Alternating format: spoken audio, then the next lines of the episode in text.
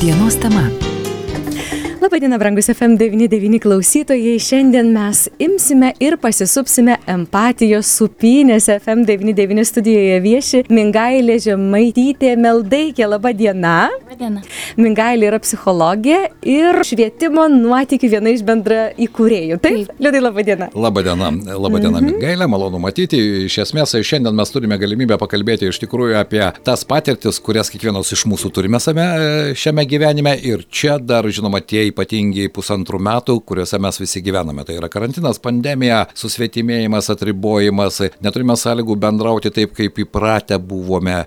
Mingalė, aš norėčiau mūsų pokalbį pradėti nuo to, kiek visa ta psichologinė įtampa, kurioje visi mes gyvename, vieni lengviau, kiti sunkiau, iš tikrųjų veikia mus.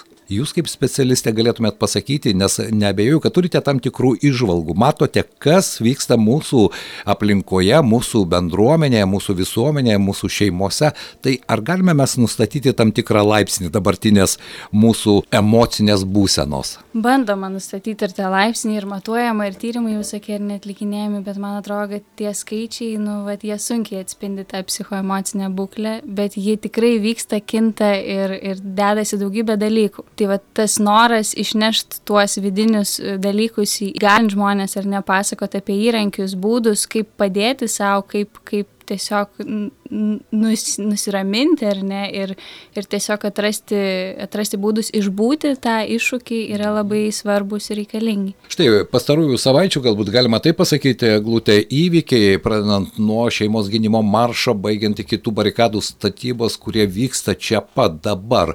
Jūsų nuomonė, tai yra būtent tų įtampų išraiška? Aš drįstu galvoti, kad taip, kad viena iš, kad atrodo, kad tikrai esam labai įsielektrinę ir jautrus ir, ir kartais atrodo tie skirting, skirtingos išraiškos visai, visai susisieja, ar ne, kad tas, tas pyktis, tas kažkoks priešinimasis visuomenės, jo, manau, kad tai susiję. Jūsų nuomonė, kodėl dabar yra klausimas keliamas labai paprastai už ir prieš? Tai yra arba mhm. tu esi toks, koks su mumis, arba tu esi priešas. Taip. Man atrodo, žmonės labai dažnai papuola į tą žaidimą, kas teisus. Čia labai norisi privesti vat, prie tos nesmurtinės komunikacijos metodą, kuris kalba apie tai, kad kada liausime žaisti tą žaidimą, kas teisus ir pradėsim žaisti žaidimą, padarykim šį gyvenimą nuostabiu. Ir ne, kad nėra prieš ir už, kad mes visi galim susitarti ir dėl tam tikrų dalykų, kad tos nuomonės visada turbūt bus kažkokios skirtingos, bet viskas su to gerai ir, ir visada tai buvo. Tos, tie skirtumai ar ne, arba tie požiūriai, bet e, tie vad bendražmogiški dalykai ar ne, orumas, pagarba, tiesiog e, žmogiškumas. Tai tos esminės vertybės, man atrodo, kurios jungia, kuria tą ryšį ir, ir yra be galo reikalingos. Ir svarbios, ar ne? Taip. Bet kodėl mes jas prarandame? Ko mums trūksta - empatijos suvokimo savęs, savivertės suvokimo, nes aš labai dažnai tame matau ir būtent tas problemas, kurias mes atsinešę visi iš savo vaikystės, net galbūt iš kūdikystės, eglutė dažnokai kalba apie tai, ką kūdikis patiria ir ką jis nešasi per savo gyvenimą ir visą tai po to mes sudedame į tą tokį gudrų žodį empatijos buvimas ar nebuvimas. Mm. Taip, man atrodo, kad čia labai susiję su tuo emociniu raštingumu, ar ne, ir, ir, ir mano kartos, ir vyresnės kartos žmonės, mes tikrai mažai su tuo buvom susidūrę ir mokomi. Ir aš iki dabar susiduriu su tuo, kad ar manęs paklausia, ar aš paklausiu, kaip jautiesi, dažn, dažnas atsakymas būna gerai, blogai, normaliai, ar ne, bet tai Taip. tai net nėra jausmas. Tai va tas, tas toks, atrodo, atsispausdinimas lentelės jausmų, poreikių, tolete ar kažkur, kur mes dažnai būnam ir galim tiesiog mokyti skaityti, nes mes tiesiog nebuvom to mokomi ir va, pripažinti tai, kad nėra nieko baisaus, ar ne, mes visada galim mokytis, bet atpažinti tuos jausmus ir suvokti, koks aš esu platus vandenynas ir kiek man jie visko gyvena ir dar priimti tuos jausmus, ne tik teigiamus, bet ir neigiamus. Tai toks įgalinantis procesas, o dar po to tas vat, aukštasis pilotažas už jausmo atpažinti slypinti poreikį, ar ne, kad aš pykstu, bet pykstu ne dėl to, kad kažkas su manim ne taip, bet galbūt pykstu dėl to, kad neišsimiegojęs esu arba nepavalgysiu, ar ne, ir, ir tie baziniai poreikiai, ir tie gilesni poreikiai. Na ir štai dabar mes galime pakalbėti apie jūsų gerą idėją su Greta Gerą Ramanavičiūtė, ar ne? Jūs sugalvojate, jo lab, kad atsiranda e, įrankis, na, jis jau Alitoje yra, jeigu neklystu, penkti, šešti metai, tai yra tas vadinamasis dalyvaujantis biudžetas, kai kūrybingi žmonės gali teikti savo idėjas, tikėtis tam tikro įvertinimo ir tam tikro savo idėjų realizavimo. Na, Alitoje mes turime tokių idėjų, kurios dėja iki šiol nei, nerealizuotos, tikėkime, kad jos kada nors pajudės. Ir štai jūsų iniciatyva, ji taip skamba labai gražiai ir konceptualiai, net nebijau to pasakyti, empatijos supinės ratas. Galbūt šiandien galite trumpai mums nupiešti, papasakoti, pristatyti tą koncepciją. Taip, visų pirma, tai labai nuostabu, kad yra tokia idėja ir kad elitiškai gali siūlyti ir man atrodo, kad čia irgi toks kūrybiškumo. Jie buvo pirmieji Lietuvoje. Dabar Va, tai daro taip, jau daugelis savivaldybių, bent jau bando daryti, bet jie buvo pirmieji, kurie tai padarė. Geras pavyzdys buvo atkeliavęs iš Lenkijos. Lenkai tai jau naudoja e, daug metų. Europoje yra nemažai šalių, kurios suteikia galimybę bendruomeniai dalyvauti tokiu būdu veiksme, nes tai yra viešieji pinigai, tai yra visų mūsų į biudžetą sunešti pinigai. Tad bendruomenė irgi turėtų tame dalyvauti. Taip. Būtent. Tai štai, o dabar apie jūsų idėją. tai mes irgi, kai perskaitėm, kad yra tokia galimybė, tai supratom, kad čia yra apie mus, ir ne? Mes Taip. gyvenam Lietuvoje, mes turim begalės idėjų ir tiesiog vyko viskas labai organiškai, susitikom prie arbatos padelio, pradėjom dalintis, o ką čia galima būtų nuveikti, nuo, nuo tokių juokingų idėjų, kaip didelės, nežinau, antės, ančiuko dailidės ežere, iki, iki vat, sustojom ties supinėm. Kažkaip e, supinės apskritai kaip ir kaip konceptas, ir kaip toks tokia ar ne išraiška kažkokia meninė, man visada labai labai kėlė daug emocijų. Toks atrodo labai, e, matyt, aš besisubdama irgi išgyvenu tam tikrus labai labai labai svarbius e, išgyvenimus ir tai man susiję ir su tuo vidiniu vaiku, dabar jau galbūt vidiniu vaiku, bet šiaip vaikystė ar nesvajonėm, laisvė. E, ir, ir vat norėjosi tai atnešti į kažkokį konceptą ir tada mes e, atėjom prie rato. Ir tas ratas toks irgi atrodo simbolis, ribos ar ne, kažkoks saugus ratas, kuriame mes galim būti tokie, kokie esame. Ir apjungus tuos du simbolius, tarsi laisvę ar ne, ir, ir tą vidinį vaiką, ir ribas, kažkokį vat, pasitikėjimą, saugumą, e, gavom tą supynės rate, kurį pavadinom empatijos supynėmis, irgi neatsitiktinai, nes abi dvi su Greta ir, ir, ir, ir tautvidu, vat, švietimo nuotykiais daug dirbam su jaunimu. Ir mūsų pagrindinis turbūt principas susitikimo visada būna ratas. Net ir nuotoliniu būdu mes būna nusipiešiam ratą ant popieriaus, sakom, įsivaizduokim, kad sėdim rate, ar ne, laužas vidury, ar kažkas, kas mus vienyje. Ir tas, tas bendrumo jausmas, tas, kad aš matau prieš save esantį, tas, kad aš sudarau erdvę kitam išsakyti tai, ką jis jaučia ar ne, ką jis nori atnešti, galbūt apie ką jis nori patylėti labai labai įgalinantis procesas. Dėl to, kad mes nesam pripratę, mes ką, ką dažnai patiriam, kad kalba du, trys žmonės, ar ne tie, kurie va, turi galbūt tą viešojo kalbėjimo kažkokią išraišką. Tai yra klausytojai. Taip. Bet, bet jie netampa dalyviais. Būtent, bet kai tu, bet kai tu suteiki tą galimybę kiekvienam pasisakyti, pradžioje tai būna kažkas kuklaus, kažkas galbūt net susilaiko, bet ilgainiui mes pastebim, kaip kiekvienas po truputį atsiskleidžia, kaip kiekvienas turi ką pasakyti ir kaip kiekvienas yra svarbus. Tai va tas ratas irgi ir yra supinės, apie tai. Beje, aš prisimenu, Lietuvoje prieš kažkiek tai metų, jau dabar sunku man prisiminti tiksliai, nenoriu būti netikslus, buvo alitiškis, kuris negyveno Lietuvoje, bet kuris buvo anoniminis supyklių kabintojas. jis kabindavo jaunimo parke, supinės, niekas nežinojo, kas jis toks, aš ir dabar neišduosiu, nors aš žinau, kas aš jis toks. Neišduosime tos paslapties, bet tai pasiteisino, tai buvo labai puiku ir, ir man buvo labai smagu smagu žiūrėti į tos vaikus, kurie naudojasi tuo ir tos emocijos, kurios yra tikros. Ir supinės iš tikrųjų tai yra, e, mes atsinešame ko gero tą pojūtį, tą drugelių plasdenimą kažkur tai ten pilve, kai tu pirmą kartą pakyli supinių pagalba į tam tikrą aukštį ar ne, ir tas jausmas ko gero išlieka mumise. Kaip jį išsaugoti? Jūs sugalvojate tam tikrą konstruktą, tai yra ratas, mhm. bet jame bus supinės. Taip. O kaip saugumas, nes dabar visi kalba, saugumas, atstumas ir taip toliau. Mhm. Nu, čia jau turbūt ne, ne, ne visai mūsų kompetencija, bet aš manau, kad bus žmonės, kurie pasirūpins tuo. Čia netgi tam tikrą prasme gavosi taip, kad tos supinės e, numatyta aštuonios ar ne. Netgi numatėm, kad būtų labai nuostabu padaryti tokias tam tikras pertvaras, kurios atspindėtų, ar ne, aplinką, mm. tai kažkokia metalo ar aliuminio konstrukcija. Tai toks irgi labai simboliškai, konceptualiai, kad atspindi besisupantį jį, ar ne, ir kad per save tu gali matyti ir kitą, ir, ir, ir supančią aplinką. Tai va tas principas, kurį mes ir, ir į tą žaidimą norim integruoti, yra rūpinosi savimi, kitu ir aplinka. Tai va tas santykio kūrimas ir, ir, ir jo, ir gamta, aišku, nes, nes ta vieta, va dainų slėnyje, kur, kur buvo pasiūlyta, tai iš tikrųjų nu, nuostabi vieta, priešais piliakalnis, nemonas, medžiai, tikrai tobula vieta, man atrodo, tokiam kūriniui.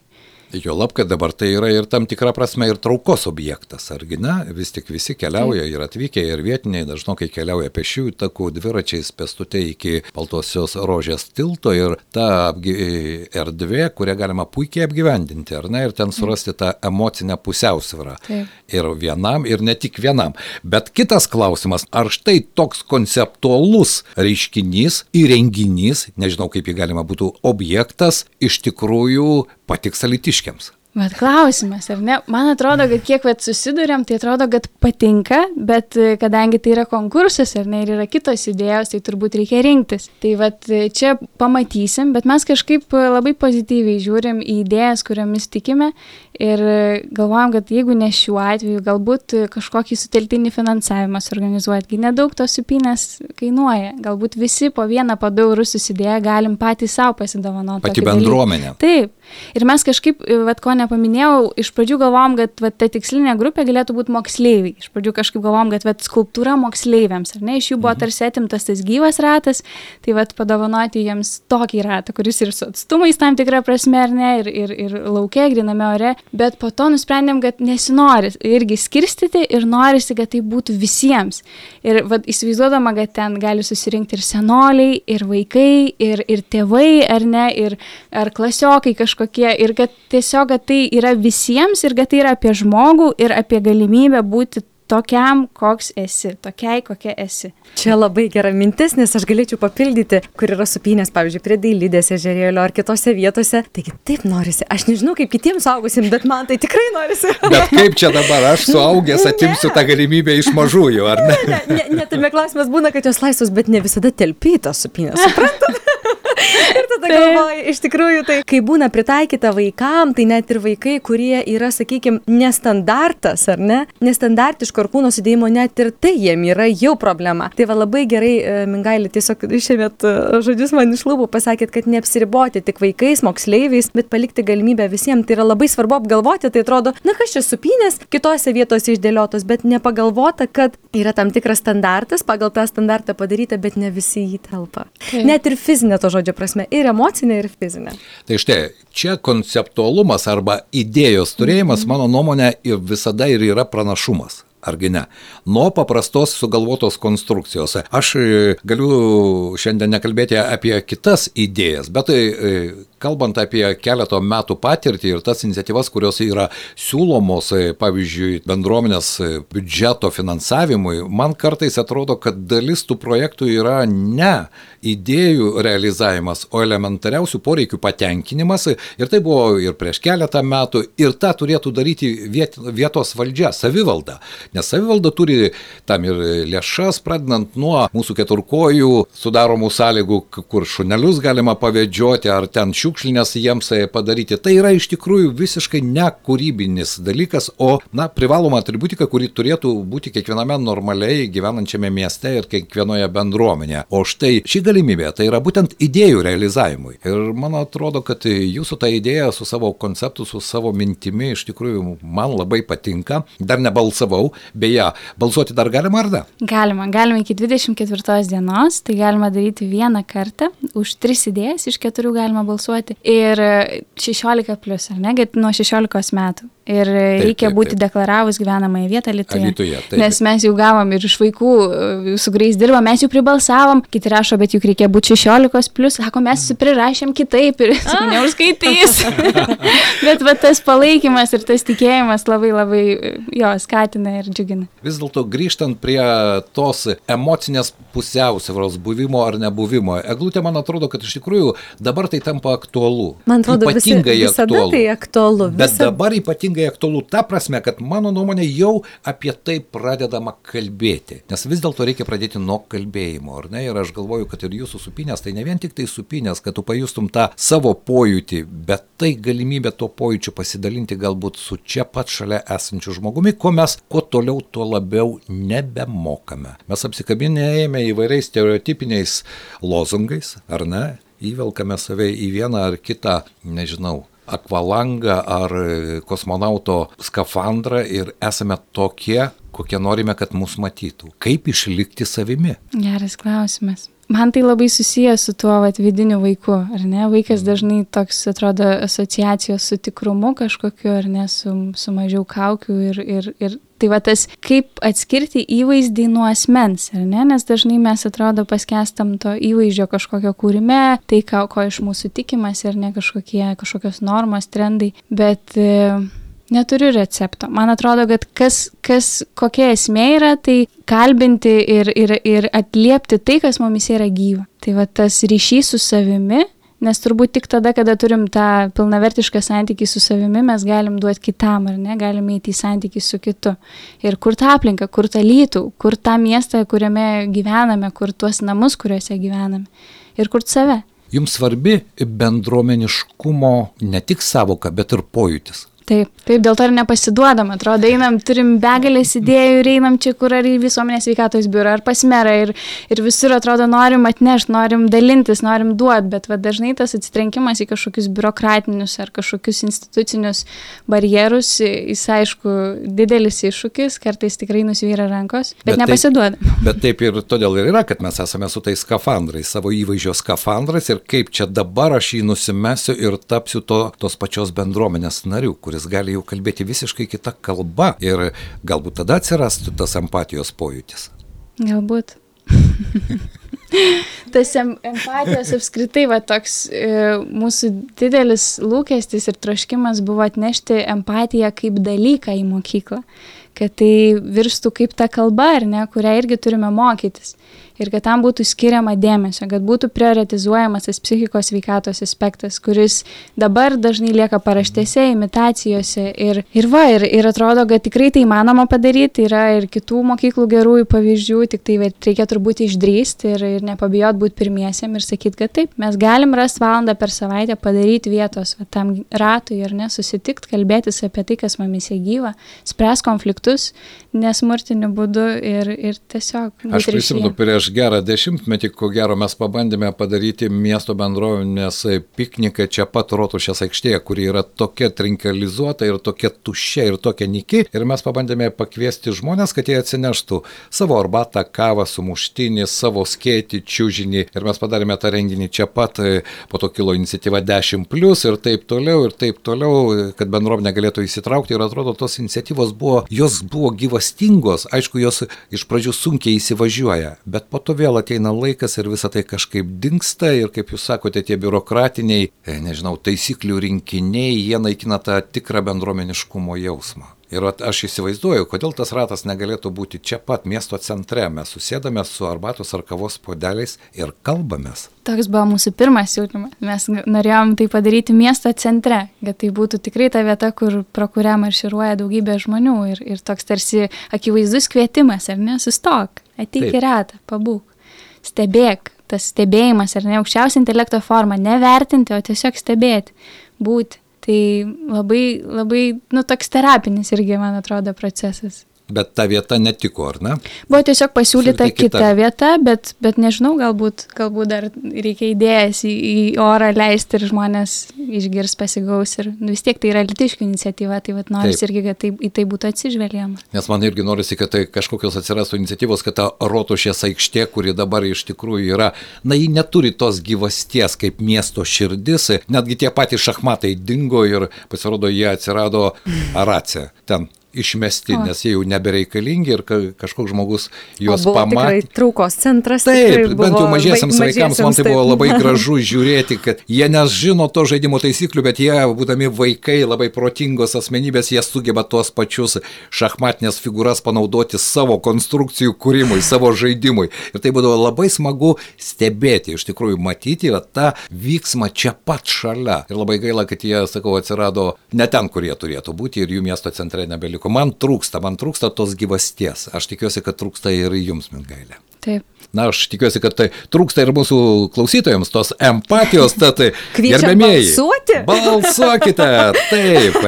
Empatijos supinės ratas dar iki 24 dienos, kaip Mingailė sakė, galima balsuoti, jeigu jūs esate tikras bendruomenės narys ir norite, jog tos empatijos ir supratimo ir susikalbėjimo mūsų bendruomenėje, mūsų mieste būtų daugiau, belieka balsuoti už šią iniciatyvą. Mes jau raginame, ar ne, subjektyviai labai, bet galite balsuoti už visas iniciatyvas, kurios jums patinka. Tai yra svarbu, svarbu nelikti abejingų abejingui, kad tai kažkas sugalvojo, kažkas daro, o aš čia, žinot, šalia. Nesame Taip. mes šalia, mes esame visi čia pat kartu. Taip, būtent va, tas patikėjimas, kad tai yra mano, kad tai yra priklauso nuo manęs, labai labai stipru ir svarbu. Ačiū labai. Ačiū Jums. Visai klausytojai priminsiu, FM99 studijoje viešėjo psichologė, viena iš švietimo nuotikių bendrai kuriejų Mingailė Žemaitytė Meldaikė.